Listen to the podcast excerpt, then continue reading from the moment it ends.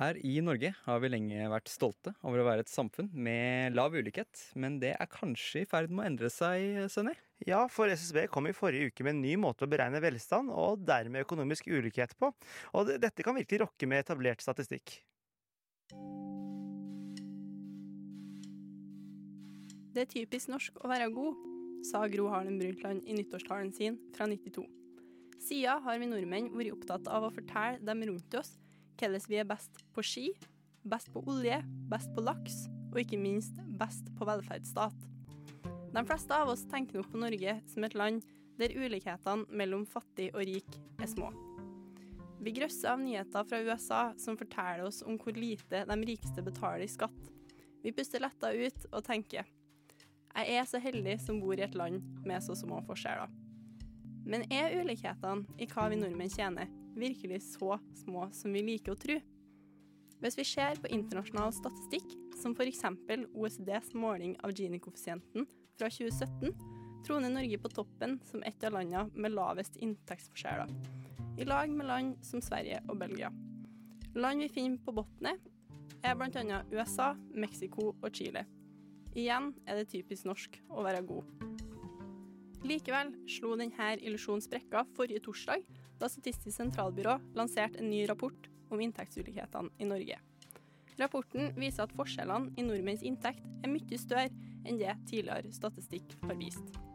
Ifølge rapporten disponerer den rikeste 1% av nordmenn 20% av de samla inntektene som tjenes i Norge. Dette er dobbelt så mye som tidligere antatt.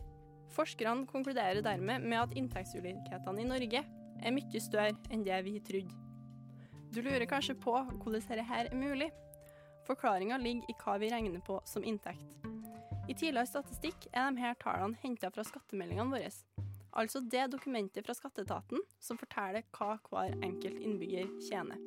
Forskerne ved SSB mener derimot at dette her ikke er nok informasjon.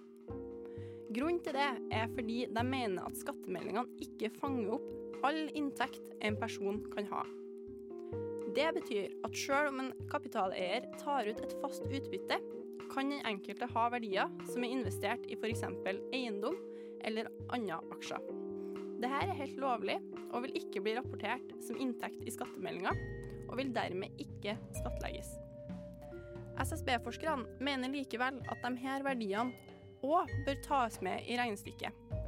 Men hvordan kan kapital som ikke blir tatt ut av eieren, regnes som denne eierens inntekt? En av forskerne bak rapporten, Rolf Aaberge, sier til forskning.no at rike mennesker kan bruke selskapene som sparebøsser og investere i aktiver som kan nyttes til privat konsum. Med andre ord så kan de rikeste menneskene i Norge unngå å betale skatt ved å la pengene sine ligge igjen i selskapene de eier. Dette er en mulighet de fleste vanlige nordmenn ikke har.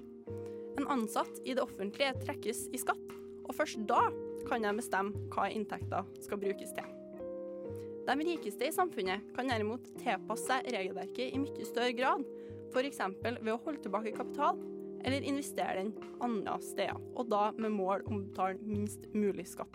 Og skal vi tro rapporten, så er det noe de aller rikeste i Norge er gode på ved å tilpasse hvor mye som tas ut i utbytte, noe det er mange muligheter for innenfor regelverket, ender den rikeste 1% av befolkningen opp med å kun betale mellom 10 og 20% skatt på det de virkelig tjener. Det er dermed de aller rikeste i Norge som betaler aller minst skatt. Du tenker kanskje at dette skyldes høyreregjeringas politikk? Det viser seg faktisk at skillene mellom styringspartiene på høyre- og venstresida er små når det gjelder inntektsskatt. I 2019 regna Finansdepartementet på hvor stor forskjell det var på regjeringas skattepolitikk og på Arbeiderpartiets. Hva skjer da med inntektsulikheter? Svaret var at det var nesten ingen forskjell mellom partiene. Altså er dette en problemstilling som verken høyre- eller venstresida har vært særlig opptatt av. Utviklinga av forskjeller i inntekt er en utfordring for den norske modellen. En av forskerne bak SSB-rapporten forteller i et intervju at om idealet er å betale skatt etter evne, fungerer det her for 99% av befolkninga. Den rikeste 1 slipper unna. Det er kanskje litt for tidlig å spå kollaps for Norge som velferdsstat. Men det vi kan dra ut av denne rapporten, er altså at forskjellene mellom rike og fattige nordmenn er større enn det vi har trodd tidligere. Samtidig viser den at det er store muligheter innenfor det norske regelverket til å finne akrobatiske løsninger på hvordan man kan betale lavere inntektsskatt. Betyr det her at det vi egentlig er gode på, ikke er små forskjeller, men å snike oss unna skatt? Igjen er det typisk norsk å være god, men kanskje ikke på de områdene vi i utgangspunktet trodde, om vi ser på SSBs ulikhetsrapport. Reporter i denne saken, det var Marie Kirkedam.